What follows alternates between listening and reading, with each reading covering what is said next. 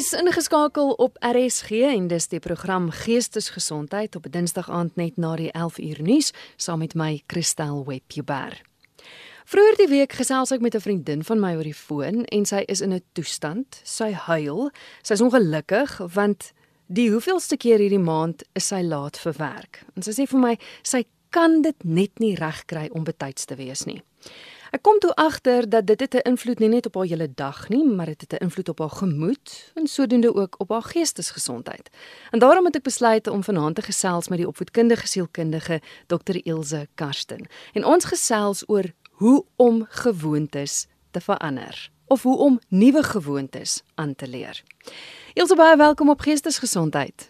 Dankie Kristel en ja, jy is 100% reg. Jy weet ons het almal goeie gewoontes en ons het almal slegte gewoontes.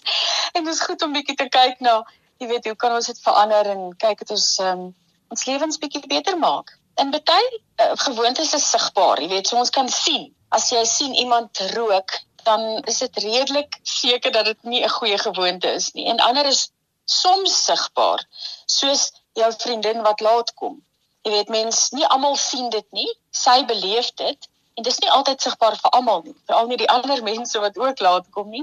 En dan staan 'n klomp gewoontes wat glad nie sigbaar is nie. Jy weet as jy heeltyd met jouself negatief praat in jou kop. Niemand sien dit nie, maar tog beïnvloed dit jou en dit beïnvloed jou geestesgesondheid ook as jy heeltyd met jouself negatief praat. So dis nou net 'n voorbeeld van 'n negatiewe een. En dan, ek dink as ons eerlik met onsself is, sal ons almal 'n gewoonte of twee kan identifiseer waarvan ons ontslaaw wil raak en dalk een of twee wat ons graag wil bykry.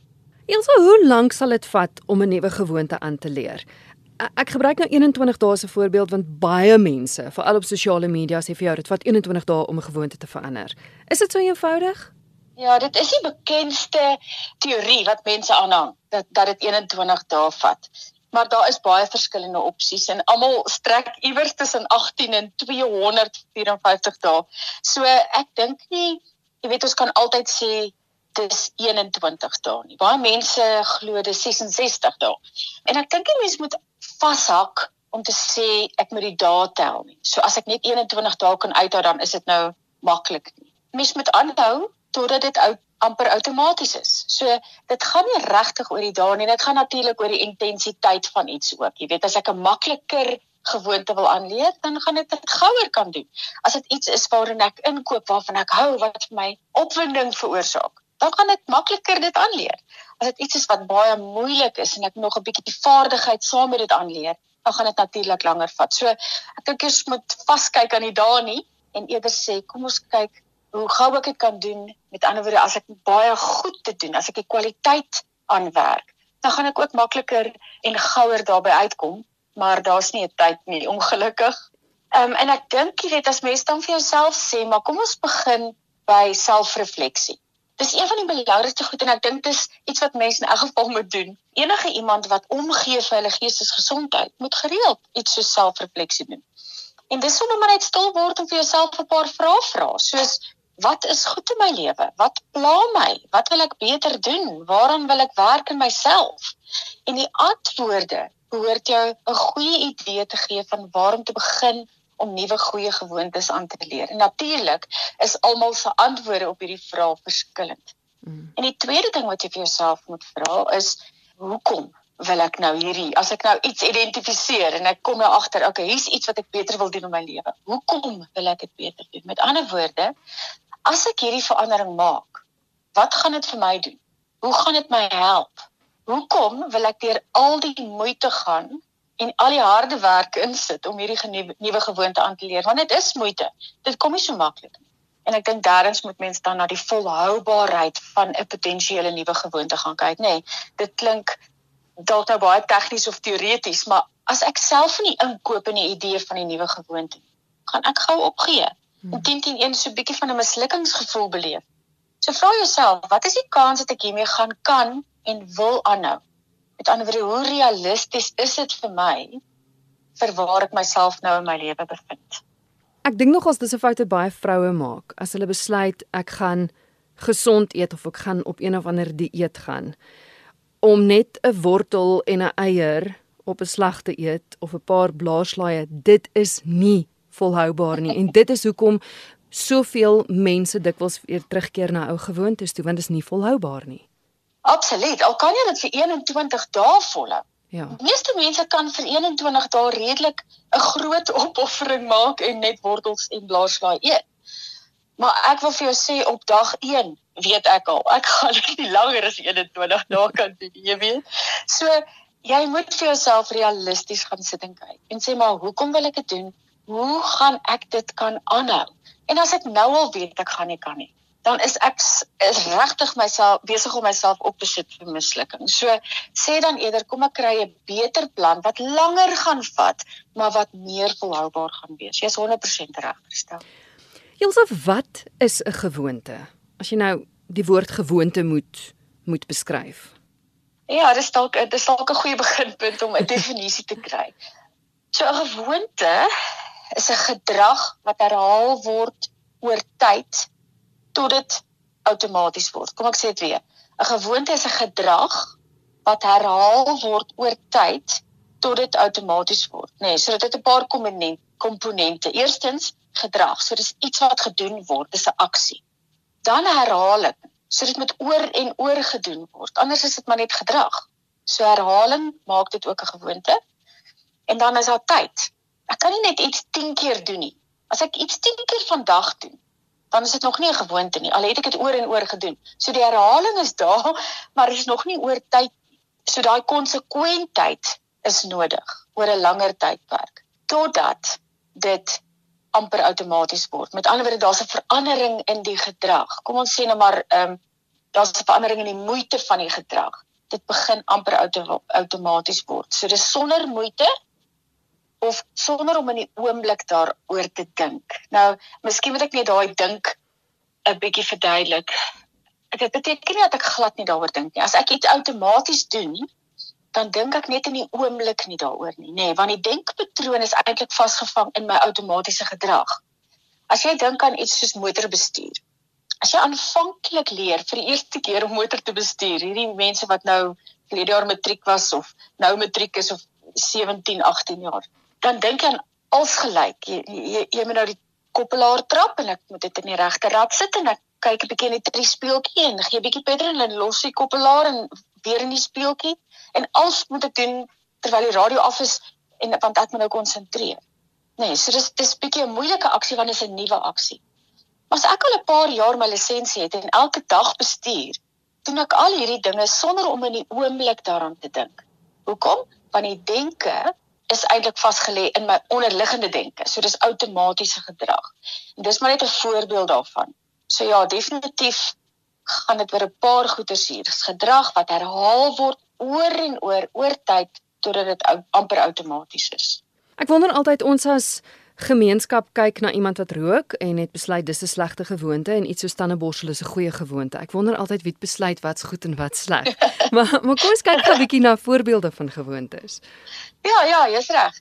Uh ek dink meeste mense sal darm sê rook is 'n slegte gewoonte want min mense sal sê dit het 'n goeie um uitkoms, jy weet, ja. en en en tandeborsel is goed, maar eintlik is gewoontes redelik neutraal want dit is 'n aksie. Dis 'n gedrag soos ons nou net gesê het. Dink aan iets soos lees. Okay, so lees klink aanvanklik soos 'n goeie gewoonte, nê? Nee, ek is in 'n gewoonte om te lees. Maar dit maak tog seker saak wat jy lees. As ek goeie goed lees, dan kweek ek 'n goeie gewoonte, maar as ek my kop vol gemors lees, dan kan dit eintlik skade doen. Nou dis heeltemal 'n ander vraag wie oordeel of iets goed of sleg is. So ons hoef nou nie daaroor te praat nie, maar ja, kom ons dink aan ander slegte gewoontes, ehm um, of ander gewoontes ek dink as mens die woord te bysit, dan kan dit baie keer geklassifiseer word as 'n slegte gewoonte. Iets soos water drink is neutraal. As ek te min water drink of te veel water drink, kan dit skadelik wees. Selfs met oefening doen. Oefening doen is neutraal. As ek te min doen, is dit nie goed vir my nie. As ek te veel doen, is dit ook nie goed vir my nie. Eet. Ja, ek hoef nie eers daai voorbeeld te noem nie. Ek dink ons almal kan assosieer met dit. Ehm um, dink aan in die son kom ons uh, ons moet bietjie Vitamiene D inkry. So ons moet in die son kom, maar as jy te min in die son kom, kry jy te min van dit. As jy te veel in die son kom, gaan jy sonbrand opdoen en dis baie skadelik. Jy weet so definitief is dit bietjie meer neutraal, en dit gaan dan oor hoeveel en hoe ek dit doen. Ek dink een van die belangrikste goed waaraan on, ons aan kan dink is werk. Dit is goed om te werk. Dit is goed vir 'n mens se gestel om te werk. Jy voel jy het 'n purpose. Jy jy jy maak 'n verskil iewers, jy doen goed. En jy kry geld om na jou gesin te kyk en voort. So dis goed om te werk, maar as ek te lank ure werk en dis te min rus, dan kan dit ook sleg wees vir my fisiese gesondheid om nie eers te praat van my geestesgesondheid nie. So dis definitief belangrik om te kyk na die keuse van gewoontes en die toepassing daarvan vir elke mens individueel. Elke mens moet self besluit wat is my gewoontes wat by my pas. Ek het dit nou sommer in die mediese veld, nê. Nee, iemand met 'n lae bloeddruk kan dalk 'n bietjie meer sout eet as iemand met 'n hoë bloeddruk.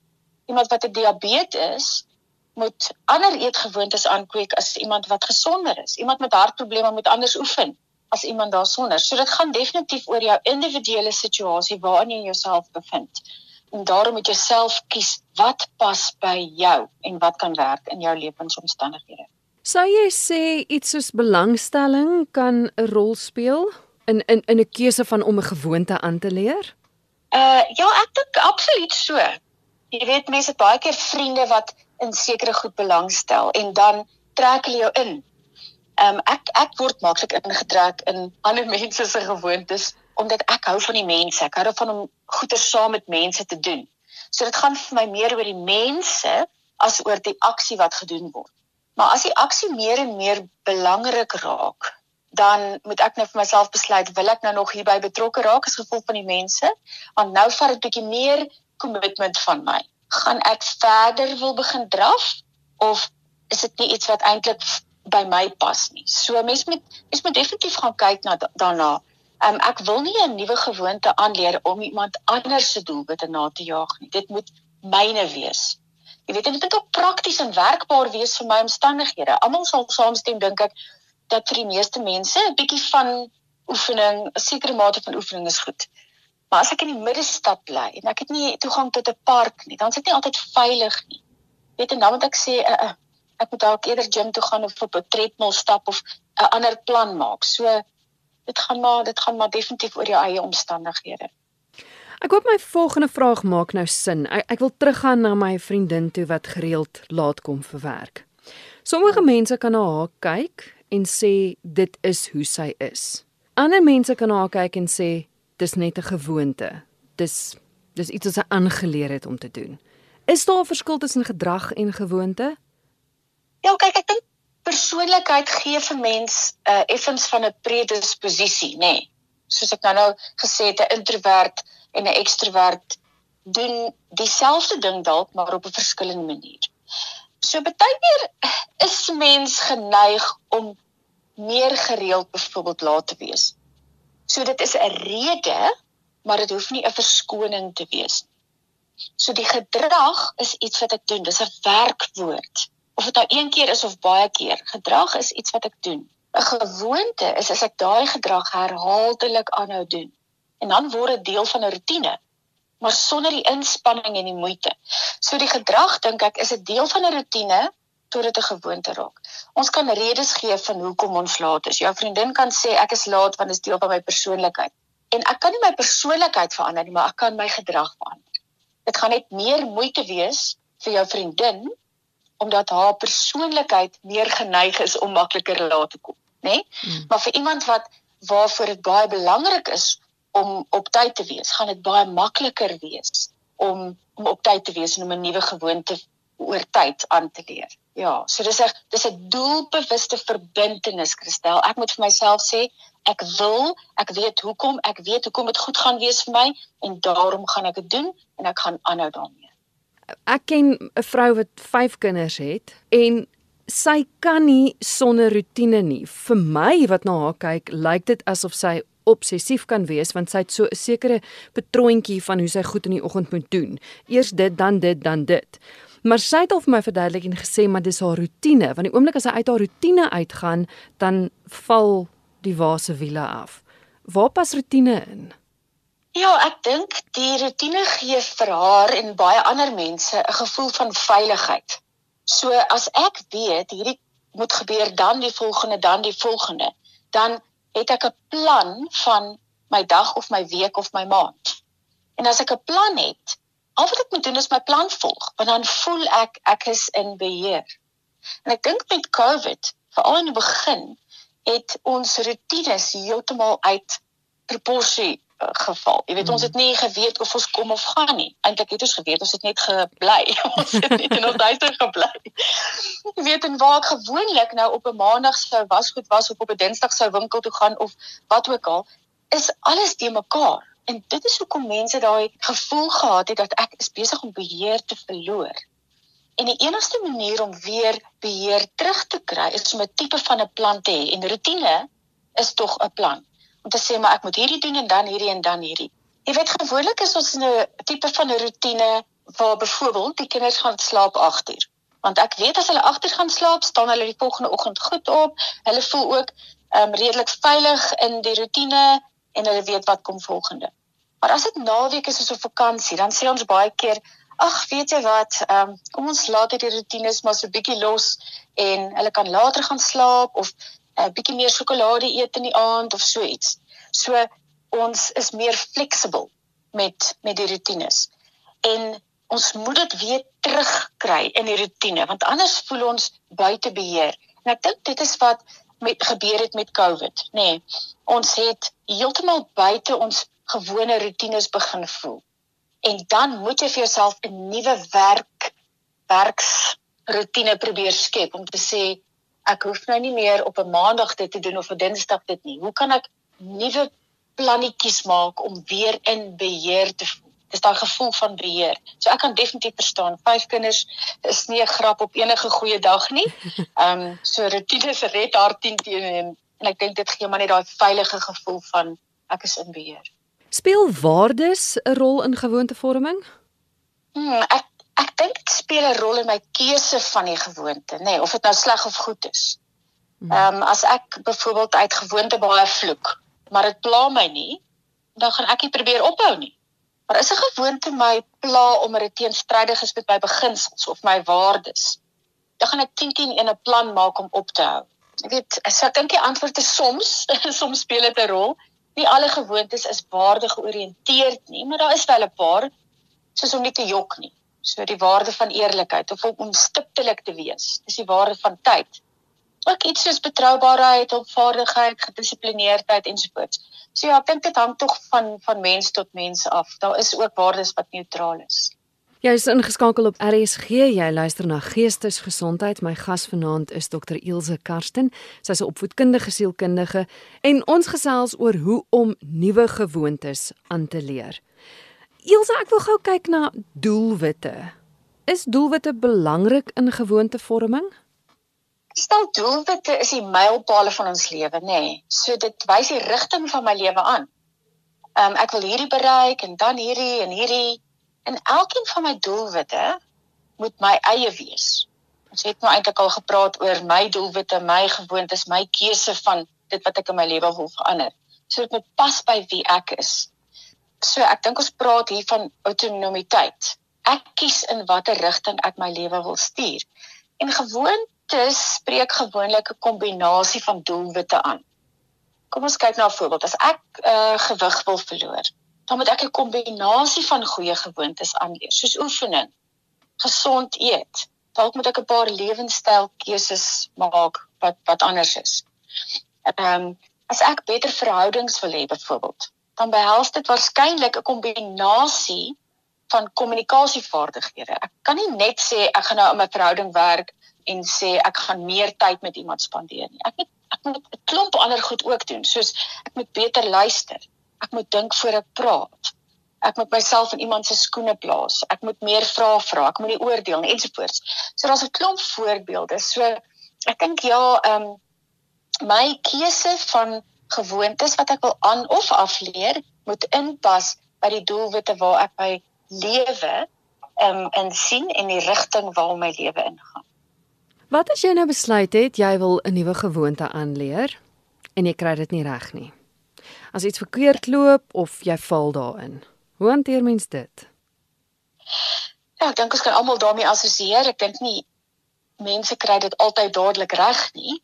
Is dit Theodore Roosevelt wat gesê het the only man who never makes a mistake is the man who never does anything. So ek dink ons moet bang wees om foute te maak of te faal nie. Inteendeel, ons moet verwag om foute te maak. Ons is mense. Maar dan sê ons, kom ons leer uit die foute en ek beplan beter vir die volgende hindernis. Meeste vroue is op 'n paar dieete voor hulle voel, okay, hierdie is wat nou beter werk vir my as iets anders. Ehm um, en ek dink as die motivering genoeg is, as my rede vir hoekom ek iets doen sterk genoeg is, dan gaan ek elke keer as ek val of nie uitkom by wat ek graag wil uitkom nie, gaan ek opstaan en ek gaan weer probeer en weer probeer. Is dit iets wat mens alleen kan doen? Ja, ja en nee, dink ek. Ehm um, dis een van daai daai vrae wat 'n antwoord is, dit hang eintlik af, nê. Nee. So dit gaan maar oor ons het nou nog gepraat oor die introvert of ekstrovert. Iemand wat 'n introvert is, verkies meeste van die tyd om iets alleen te doen.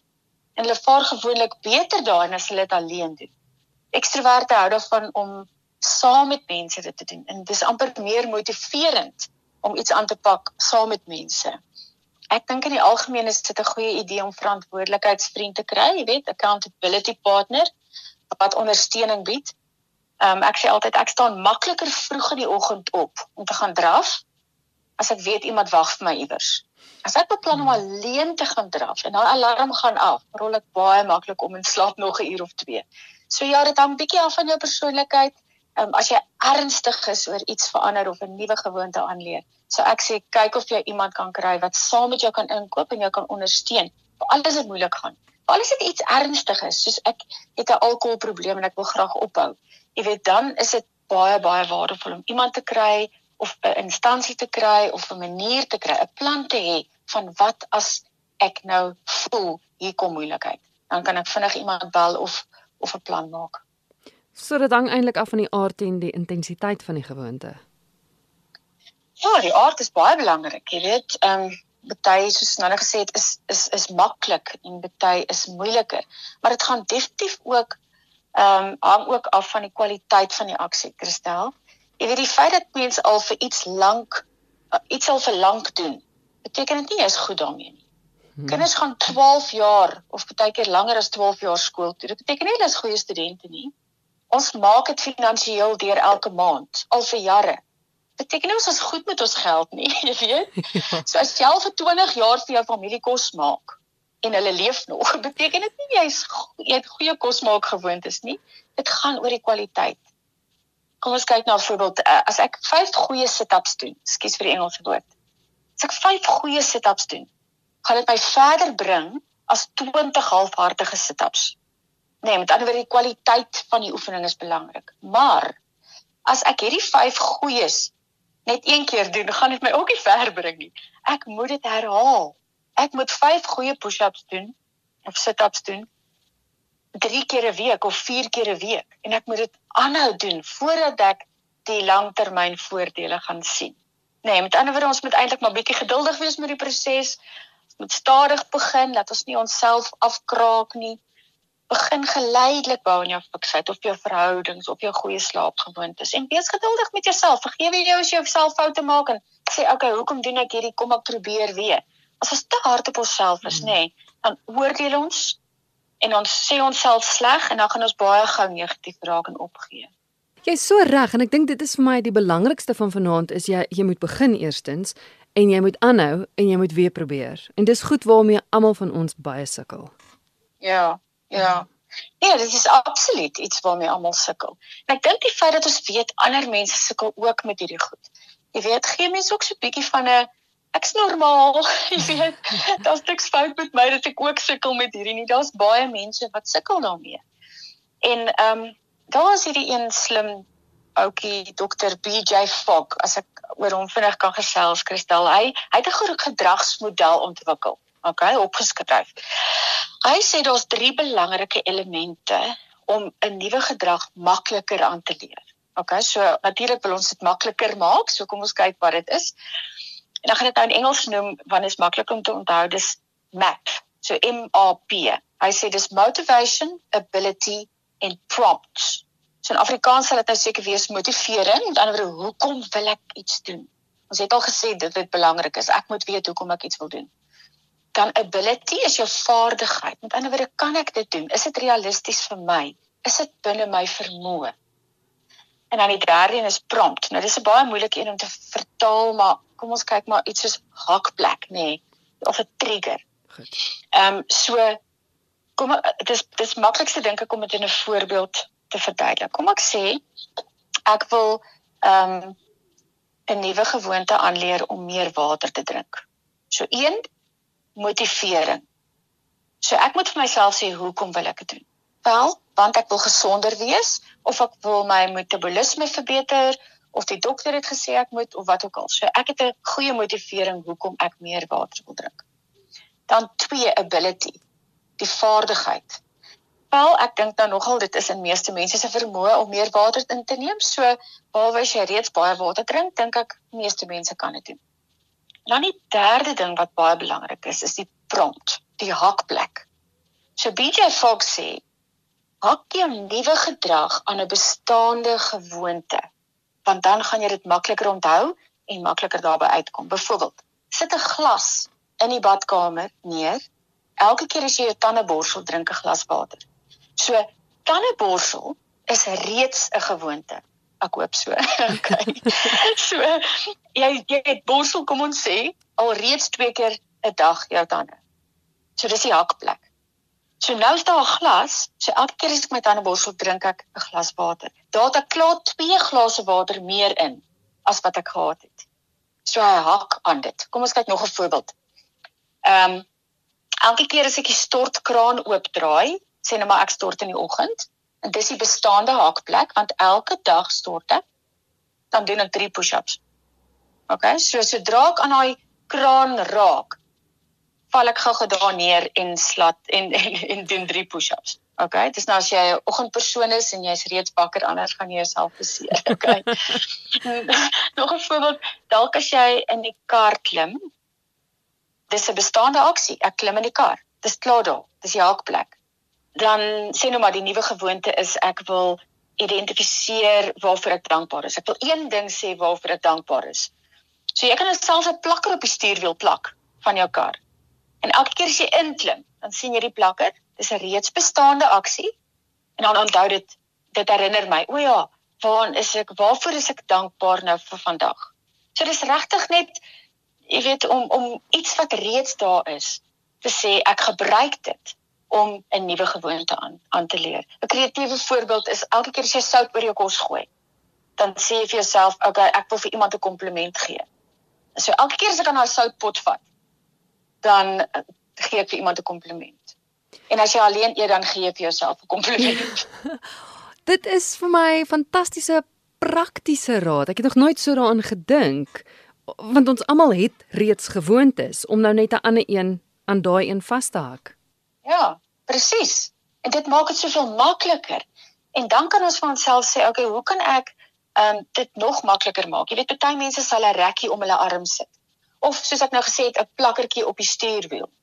Jy kan 'n ring aan jou vinger sit of jy kan die alarm stel of so iets om dit nou om jouself nog beter te herinner. Maar dit is nie so dit dit hoef nie so moeilik te wees. Mens moet so bietjie kreatief dink en sê, "Oké, okay, ek moet dalk nou die my oefenmaatjie daar in die badkamer gaan neersit." dat as ek aan die stortkop raak dan is ek sommer reg daar om nie op die harde koue teelvloer 'n um, 'n push-up te doen nie. Maar ja, jy jy jy sit vir jouself goeders reg en jy herinner jouself hierdie is goed wat ek graag wil verander en hoekom hoekom en dan moet mens maar net geduldig wees want dit jy gaan nie 'n six pack kry na 5 push-ups nie nê nee. Mm. Maar mens moet seker ook in die gewoonte kom om 'n gewoonte aan te leer. So daar's sekere stappe wat jy wat jy daar ook moet volg want dis nie iets wat net eendag gaan jy opstaan en dan sit nou daar nie, né? Ja, en ek dink dit is daai kwaliteit van van tyd wat daar moet gebeur. Ek moet langtermyn commit tot iets. Nee, ek wil ek wil dit vir 'n langtermyn doen. Ek dink daar is tog gewoontes wat mens vir korter tye doen. Jy weet as ek weet ek gaan nou op vakansie en ek wil graag in die vakansietyd omdat ek op 'n uh, in 'n nuwe land gaan wees, wil ek vroeg opstaan om die sonsondergang te gaan afneem met my kamera. Dan weet ek dit is nie iets wat ek by die huis weer gaan doen nie. So dit is 'n korter termyn, maar in meeste gevalle as ons kyk na ons lewens, moet ons sê wat is dit wat ek op 'n langtermyn aan my lewe wil doen en hoe gaan hierdie vir my 'n goeie ehm um, lewenskwaliteit gee, nê? Nee, met ander woorde, hoe kan ek hierdie as deel van my lewe maak sodat dit myself beter my my my beter laat voel oor myself, oor my lewe en hopelik ook 'n goeie effek hê op die mense om my. Ek, ek dink daaraan die vrou met die 5 kinders. As sy nie in 'n gewoonte is of in 'n goeie rotine is nie en elke dag sommer maar net vat soos hy kom, dan dink ek, jy weet, die ander mense tel ook op, die kinders tel op dat iets anders is. As die gesagsfiguur lyk of voel of hulle in beheer is, dan tel die ander mense daarop op. Kom ons dink aan 'n werksituasie. As ek in 'n span werk en my bestuurder lyk of hy alles onder beheer het, dan voel ek baie veilig. Hmm. Maar as hy daar rondhardloop soos 'n afkop hoender en dit lyk asof hy nie weet wat aangaan en daar's 'n krisis, dan gaan ek ook voel, hoorie so, wat gaan nou hier aan? Ek is besig om beheer te verloor. Doen ek iets fout? Wat gaan aan? So daai gevoel van ek is veilig in hierdie omstandighede want iemand anders voel veilig. Jy weet so ek dink mense moet dan vir jouself sê kom ons kyk watse gewoontes kan ek vir myself aanleer wat ook tot voordeel van ander mense strek. En in 'n gesin, baie keer moet mense saam sit en sê okay, wat is die goeie goed wat werk in hierdie gesin? Help dit, werk dit om 8 uur te gaan slaap? Werk dit om so baie tyd of so min tyd voor die TV te spandeer? Werk dit om elke aand pudding te eet, moet ons dalk sê ons kan net oor naweke pudding eet. En dan sit maar 'n gesamentlike besluit om vir mekaar te sê, okay, kom ons kyk of ons gesinsgewoontes kan identifiseer en mekaar help daarmee. Maar soos ons ook in die begin gesê het, baie van dit is individueel. Ek moet myself ken, ek moet my omstandighede ken, ek moet vir myself sê hierdie werk by my lewe. Ehm um, kom ek doen meer van dit of kom ek verander iets of kom ek raak ontslaaf van sekere gewoontes wat nie goed is vir my nie. So ja, dit is maar 'n bietjie van 'n selfrefleksie wat nodig is voordat ek hierdie besluite neem. Miskien het jy het jy dit dalk al aangeraak, maar maar is daar sekere stappe wat mens dan moet volg? Gestel jy het nou identifiseer wat dit is, die gewoonte wat jy wil aanleer, is daar stappe om dit makliker te maak? Jy het nou genoem van die hakplek, maar maar is daar nog? Ja, ek dink die hakplek van die gedragsmodel van Dr. BJ Fogg is 'n is 'n metode, nê. Nee. So dis hoe ek dit doen. Maar as ek dink aan stappe, ehm um, eerstens natuurlik soos jy nou gesê het, identifiseer die gedrag of die rotine wat jy wil aanleer. So een, dis wat ek wil doen. En dan sê ek vir myself, wat is my beloning? Hoekom wil ek dit doen? Nê, nee, wat gaan ek hier uit kry? As ek dit doen omdat iemand anders ehm um, sê dis 'n goeie plan, gaan ek dalk so rukkie daarin inkoop, maar daarna gaan ek maklik ophou. Hmm. So een, wat wil ek doen? Twee, hoekom wil ek dit doen? Dan 3, wat is die hakplek? So dis nou die stap en dan sê ek vir myself, nou maak ek my plan. En ek dink nog 'n oulike praktiese manier is om ehm, 'n um, tipe van 'n formule vir jouself neer te skryf of in jou kop te hou. Met ander woorde, kom ons gebruik die tandeborsel en water drink voorbeeld. Ek sê nadat ek my tande geborsel het, wil ek 'n glas water drink sodat my metabolisme verbeter en die beloning is 'n gesonder lewe. Goed, so met die formule is nadat ek ABC wil ek ABC nuwe gewoonte sodat en dit is nou die dit wat jy daar uit kry die beloning en as jy elke keer daai formuletjie vir jouself sê jy moet net daai drie goeders onthou dan dink ek is dit baie makliker en nog 'n stap uh, eh, kristal is om gaan kyk na jou omgewing. As ek weet wat ek wil verander, gaan verander die omgewing. Sit die glas in die badkamer neer. Plak die plakker op die stuurwiel, jy weet? Of ehm um, gaan raak kan slaap van die sjokolades wat jy in jou kas het. As ek sê ek gaan nie meer sjokolade eet nie, help dit nie ek gaan koop nog elke week of ek sit dit in my kas en ek moet daarna staar nie, want dit maak dit net moeiliker. So doen goeders in jou omgewing wat jou gaan help om dit makliker te maak. En ek dink ook 'n laaste stap vir goeie gewoontevorming is om jouself te visualiseer as suksesvol in dit. As ek vir myself sê you can do this en sien jouself waar jy water drink en sien jouself waar jy bietjie gewig verloor het en pas in daai broek en sien jouself waar jy um, gesonder en fikser is. Jy weet, sien jouself as 'n sukses in hierdie nuwe in hierdie nuwe gewoonte. Dan gaan jy sommer beter voel oor die lewe en beter voel oor jouself en dan voel jy maar ek kan dit bereik. Dit is definitief haalbaar vir my. Els ons het nou deur die loop van die program met jy sulke praktiese voorbeelde gegee, maar dis nogals voorbeelde wat baie voor die hand liggend is. Jy het vir my 'n lys aangestuur met met 30 gewoontes um vir 'n gelukkige en 'n gesonde leefstyl wat nogals dinge insluit waaraan ek nou nog nooit gedink het nie. Is daar seker een of twee wat jy net kan noem wat wat bietjie buite die boks is? Want soos ek sê, die wat ons nou vanaand oor gepraat het, is baie voor die hand liggend. Ja. Kyk, ek dink um ek sal 'n paar noem, maar ek dink tog ons moet ons het dit al twee of drie keer genoem, elke mens moet self besluit hmm. want ons omstandighede verskil en ons is almal anders, persoonlikheidsgewys, omstandighede wys gewys. So ja, definitief kies wat vir my werk gaan nie vir jou werk nie. Ja. Maar eh, baie mense sê vroeër op te staan wanneer almal nog slaap, kan ek 2 ure se goeie werk inkry. En dit gee my dalk nou 2 ure in die aand af wat ek saam met my familie kan tyd spandeer. So dis 'n voorbeeld. As jy weet ek is nie 'n oggendmens nie, dalk moet jy dit andersom doen. As almal gaan slaap het, dan staan jy 12 uur op tot 2 uur, want jy is nog in die aand wakker. Jy weet so iets. Die gewoonte wat baie mense deesdae oor praat, dis nog 'n buzzword, is hierdie mindfulness, nê. Nee. Met ander woorde, ek is wat is dit nou in Afrikaans? Ehm um, bewus van jou oomblik. Ek weet nie wat dit is in Afrikaans nie. Mindfulness. Met ander woorde, ek doen een ding op 'n slag en ek konsentreer daarop. As ek eet, eet ek. As ek lees, lees ek. Ek sit nie en werk voor die rekenaar terwyl ek my middagete eet en as ek weet ek is my kos op en ek het eintlik niks geproe nie. Ons is baie ons doen maklik sulke goed. Ons kyk TV en eet iets en as ek weet ek is my kos op en ek het eintlik niks geproe nie. So mindfulness is nogal 'n goeie gewoonte dink ek om te hê. Dis veilig ook as mens bestuur om te sê maar kom ek konsentreer op wat ek besig is om te doen in plaas daarvan om nog op my foon te wees of jy weet ander goed te doen of aan ander goed te dink. Met COVID dink ek is dit ook goed om vir jouself te gaan sê hoe het hierdie omstandighede my lewe verander? Ek dink iets soos ek het dit heeltemal in die begin gesê, selfrefleksie om net na jou lewe te gaan kyk. Min mense doen dit en dit is so waardevol om net te gaan kyk waar bevind ek my in my lewe?